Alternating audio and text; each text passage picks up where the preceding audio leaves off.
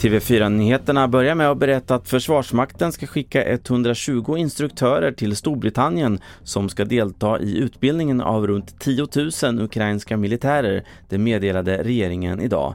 Vi hör försvarsminister Peter Hultqvist.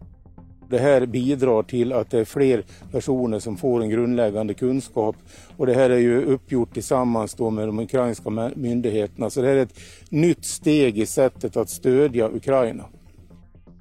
I nästa vecka väntas högsommaren göra comeback i Sverige. Det gäller framförallt mitten av veckan där det i södra och mellersta Sverige väntas massor av sol och över 25 grader varmt.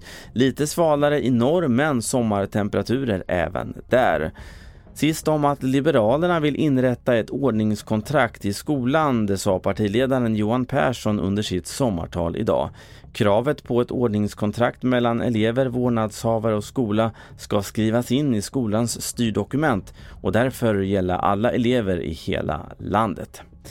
Fler nyheter hittar du på tv4.se och våra linjära sändningar ikväll. Jag heter Carl-Oskar Alsen.